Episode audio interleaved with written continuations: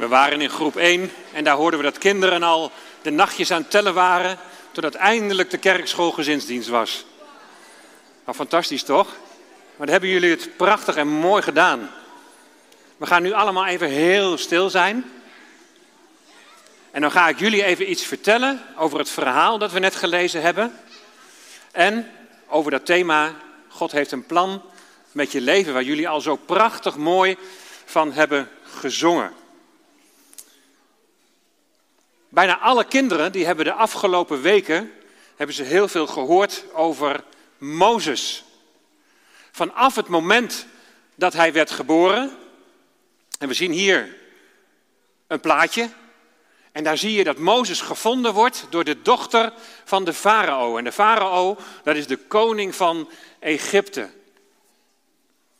Dus jullie hebben gehoord vanaf dat Mozes geboren werd, tot het moment dat Mozes een volwassen man was en hij na tien plagen eindelijk het volk mee mocht nemen naar het beloofde land. Naar dat land, daarvan hebben we gelezen, het land overvloeiende van melk en honing. En hier zie je bij het volgende plaatje hoe dat volk door de zee trekt. Nou, dat was echt een wonder. De zee ging aan de kant en ze konden er zo tussendoor lopen op weg naar het beloofde land. Uit Egypte naar het beloofde land. En dat heeft iets met Gods plan te maken. Weet je hoe oud Mozes was toen ze uit Egypte trokken en door de zee heen gingen? Weet je hoe oud Mozes toen was? Wat denk je? 80 jaar. Dat is oud, hè? Maar zo kun je al zien dat je nooit te oud bent om door God gebruikt te worden in zijn plan. God heeft dus een plan en jullie hebben gezongen dat met elkaar dat iedereen zijn liefde moet kennen. Dus iedereen moet Gods liefde kennen. Dat is dus al belangrijk bij Gods plan. En hij wil dat plan uitvoeren door jou en mij. God voerde zijn plan uit door Mozes. En dus ook door jou en mij. Nou, dat is heel bijzonder. En jullie zijn nog heel jong. 4, 5, 6, 7, 8, 9, 10, 11, 12 jaar. En dan al nadenken over Gods plan. En dat jij hem daarbij mag helpen. Nou, wat kunnen we nu leren van het verhaal van Mozes? En net als Mozes, net als jullie, ben ik ook als babytje geboren. En mijn vader en moeder die hadden een hele mooie wieg gemaakt. En toen ik vier jaar oud was, toen mocht ik net als jullie mocht ik naar de basisschool. En als het pauze was, dan ging ik altijd voetballen. Yes, hoor ik daar. Ik ging altijd met vriendjes spelen. En met verjaardagen en Sinterklaas en kerst, dan was het altijd groot feest in huis. Soms kwam mijn oma bij ons logeren. En dat was een hele lieve oma. En ze kwam helemaal uit Groningen met de trein. En hier zie je een foto van mijn oma en ik sta daarnaast met mijn zusje. Ah. Maar opeens, opeens hoorde ik dat oma niet meer kwam. Oma was plotseling doodgegaan. Ze was al heel oud. En ik was heel verdrietig. En toen dat, toen dat gebeurde, toen ging ik nadenken. En ik dacht van, waar is oma nu? En ik ging ook nadenken over mezelf. Ik denk dat ik een jaar of negen, tien was of zoiets. En toen dacht ik eigenlijk van, ja, waarom leef ik? Waarom ben ik eigenlijk hier op deze aarde? Is het alleen maar om leuke dingen te doen, de dingen die ik net zo heb genoemd? En is het dan ineens afgelopen? Als ik net zo oud ben als mijn oma? Nou, ik hoorde op school hoorde ik verhalen over de Heere God. Maar ik had nooit gehoord dat God een plan heeft. Ik hoorde heel veel verhalen uit de Bijbel. En natuurlijk over, over Mozes en het biezenmandje. En zo heb ik heel veel verhalen gehoord. En ik heb er eigenlijk nooit aan getwijfeld dat er een God bestaat. En ik was vroeger heel nieuwsgierig. En ik vond die Bijbelverhalen op school, die vond ik zo prachtig. Vinden jullie ze ook zo mooi? Ik vond het zo mooi om te horen. En weet je, toen ik al wat ouder was, dan ging ik naar huis. En dan ging ik thuis ging ik die verhalen overschrijven. Zo mooi vond ik het. Maar ik vond het ook heel leuk om te schrijven. Pas toen ik 16 jaar was, ging ik naar de kerk. En toen heb ik geleerd wie de Heere God is. En toen hoorde ik ook dat God een plan heeft met deze wereld. En toen heb ik geleerd dat dit plan ook alles te maken heeft met de Heere Jezus. Toen ik 42 jaar was, ben ik dominee geworden. En weet je wat mijn moeder zei? Toen je op de basisschool zat, toen heb je al gezegd, ik wil later dominee worden. Nou, dat was best wel apart, want behalve kerst kwam ik nooit in de kerk. God had een plan met mijn leven. En zo had hij ook een plan met Mozes. En zou hij zo ook een plan hebben met jou? Zou God een plan hebben met, met, met jouw leven? Dan moet je niet denken dat je leven dan alleen maar geweldig en leuk en mooi is. En dat je nooit moeilijke dingen meemaakt. En jullie weten hoe het met Mozes begon. Mozes moest weg bij zijn vader en moeder. Hij heeft dat misschien niet zo in de gaten gehad, want hij was nog heel klein. Maar van binnen voel je toch wel als je moeder er niet is, omdat je negen maanden bij je moeder in de buik hebt gezeten. Hij wordt opgevoed bij een andere moeder. Aan het hof van de koning van Farao. Zal hij zijn vader en moeder hebben gemist? Zijn vader en moeder waren heel arm. Nou, daar had Mozes geen last van. Mozes was bij de dochter van Farao. En daar hadden ze aan niets tekort, want de Farao, de koning van Egypte, was natuurlijk heel rijk. Toch weet Mozes, of hij voelt op de een of andere manier dat hij daar niet hoort, maar dat hij bij een ander volk hoort. En als hij dan gaat kijken bij dat andere volk en als hij ziet hoe hard ze moeten werken en hoe ze geslagen worden als ze niet hard genoeg werken, dan wordt hij ontzettend boos. En wat gebeurt er dan? Slaat hij de Egyptenaar slaat hij dood, hè? Ja, dat mag natuurlijk niet, hè? Nou, misschien was het ook wel niet echt zo zijn bedoeling, want hij schrok enorm. Hij dacht, oh oh, ik moet wegwezen, want als de farao dit gaat horen, dan gaat het mis. Dan kom ik misschien wel in de gevangenis of nog erger. En Mozes gaat op de vlucht en hij komt dan in een ander land en dan komt hij in Midian. En wat gaat hij daar doen? Hij wordt daar schaapherder. Jaar na jaar gaat voorbij. En elke dag gaat hij met de schapen op stap. Is dat het dan? Is dat Gods plan? Het is natuurlijk prachtig om, om voor de schapen te zorgen, daar is niks mis mee. Maar is er misschien nog meer bedoeld voor Mozes? Nou, Mozes moest eerst, voordat hij door God gebruikt werd, moest hij eerst nog heel veel leren. Mozes hoefde daarvoor niet naar school, maar hij moest leren van het zorgen voor de kudde, voor de kudde schapen. Als schaapherder moet je leren om met de kudde om te gaan. En zo kon Mozes alvast een beetje leren door voor de schapen te zorgen. Zo kon hij alvast een klein beetje leren van hoe het straks zou zijn als hij dat hele volk, wat eigenlijk dan ook een grote kudde is, hoe die mee zou kunnen nemen naar het beloofde land. Een paar jaar geleden, toen gingen we met de leiders van deze kerk gingen wij naar een schaapskudde. En we hebben daar heel veel geleerd. En weet je wat ik als eerste moest doen? En je kunt het zien, ik moest een hok ingaan en ik moest de schapen bij me roepen. Dus ik moest ervoor zorgen dat de schapen bij mij zouden komen. En ik ging eerst heel zachtjes, kom maar, kom dan. En er gebeurde niks. En ik ging wat harder roepen. Ik dacht, misschien horen ze het wel niet, misschien hebben ze wel last van hun oren of zo. Maar ze kwamen nog niet. Toen dacht ik, nou, weet je wat, dan ga ik heel langzaam, loop ik gewoon naar ze toe. Ik wil ze natuurlijk niet laten schrikken. Maar jouw boem, alles, ze vlogen alle kanten op. Weet je waarom ze niet luisterden?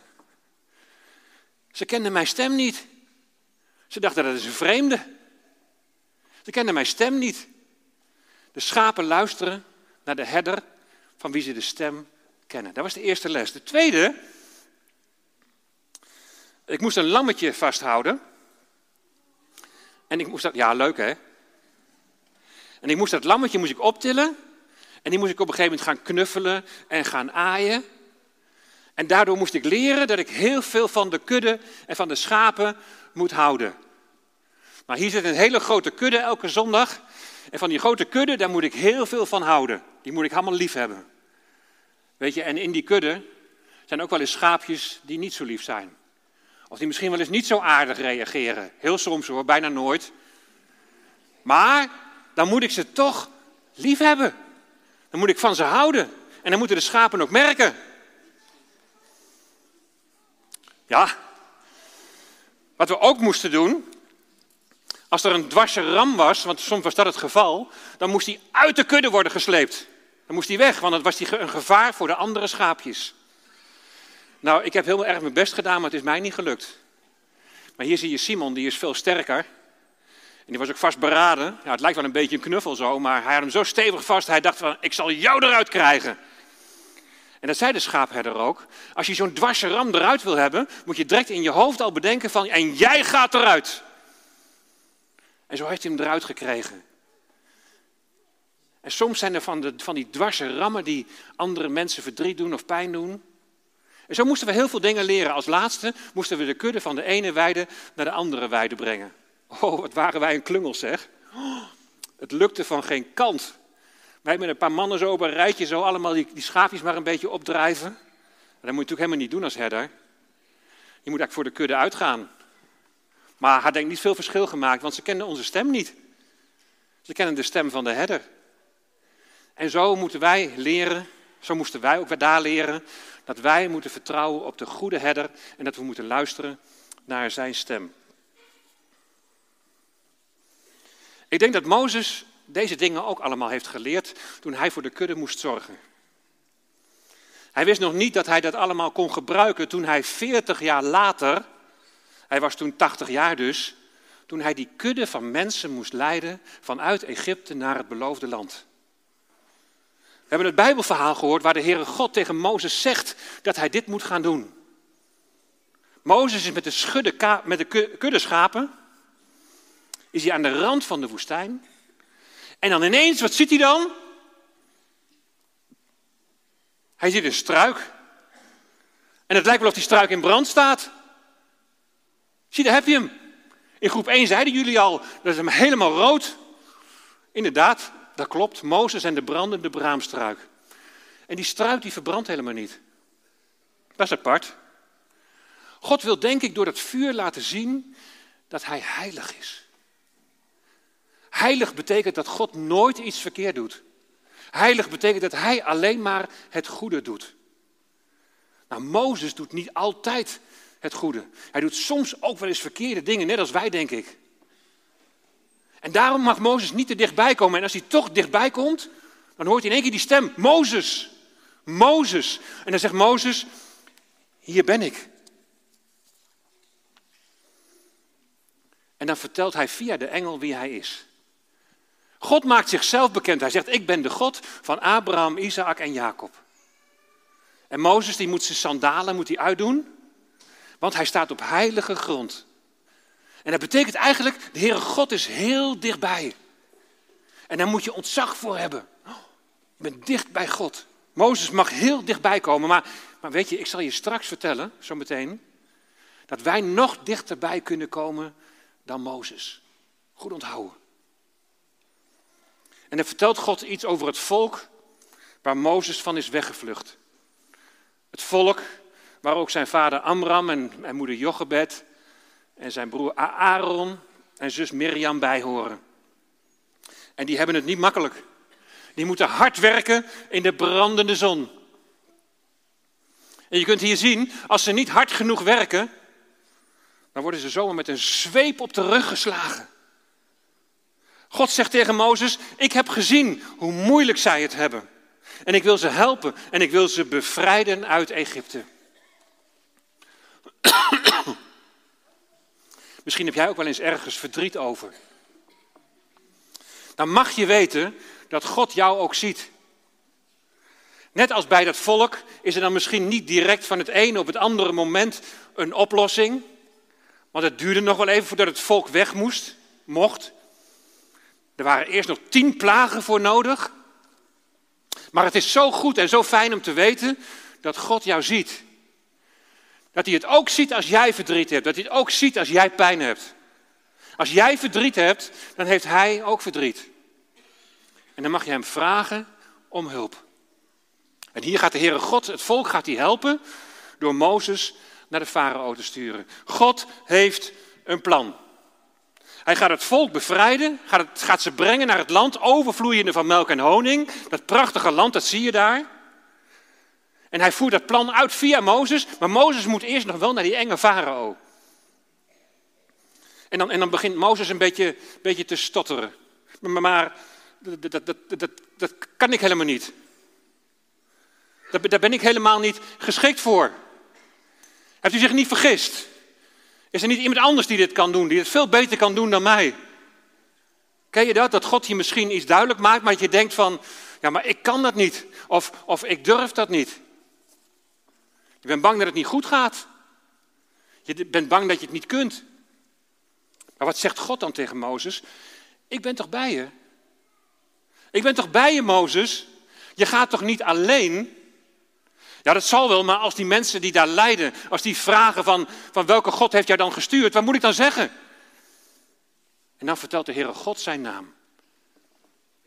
Als ze aan jou vragen, Mozes, wie jou heeft gestuurd, dan moet je zeggen, zijn naam, en het werd net zo mooi, heel rustig gelezen in de schriftlezing, is ik ben die ik ben. Nou, dat is wel een aparte naam, hè? Ik ben die ik ben. Misschien hebben jullie wel eens gehoord van Yahweh, de naam van God van Israël. En dat betekent, ik ben die ik ben. Zijn naam betekent, ik ben die er zijn zal. God zal er altijd zijn. Mozes, maak je niet zo'n zorgen, want ik zal er zijn, zegt de Heere God. Ik zal je helpen.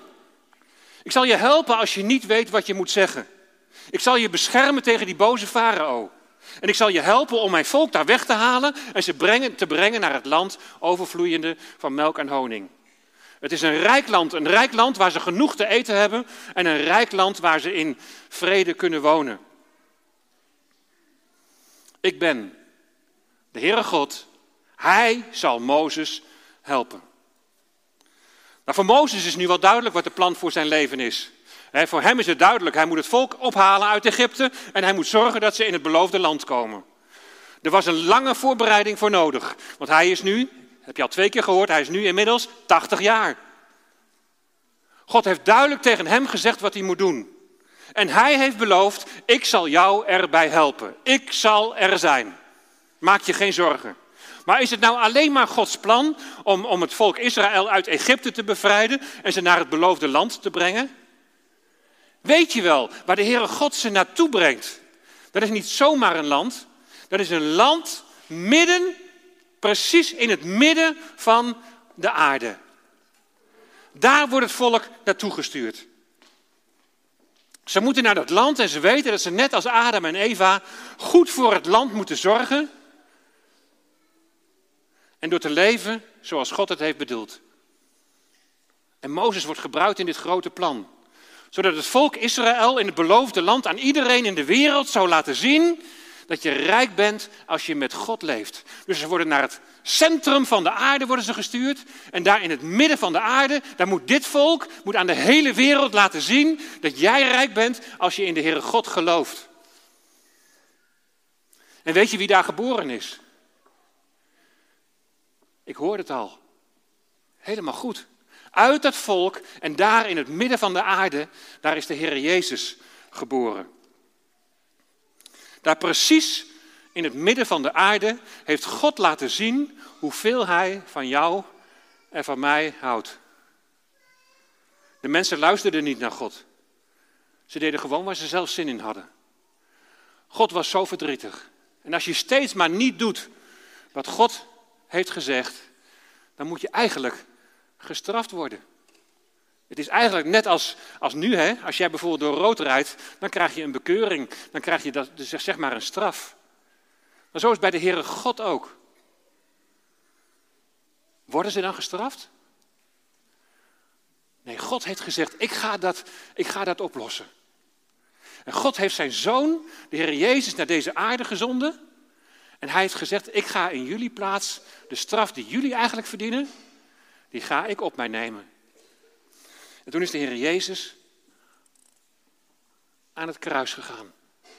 Heeft hij zijn leven voor ons gegeven.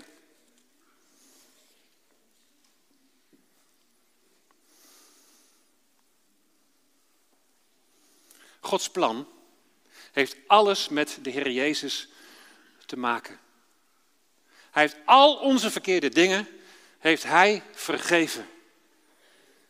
Hij heeft jou zo lief dat Hij zijn leven voor jou en voor mij gegeven heeft. En dat is onderdeel van Gods plan, want het gaat nog verder. Want straks in de toekomst, dan zal, en, en dat heb ik op school gehoord in de verschillende groepen.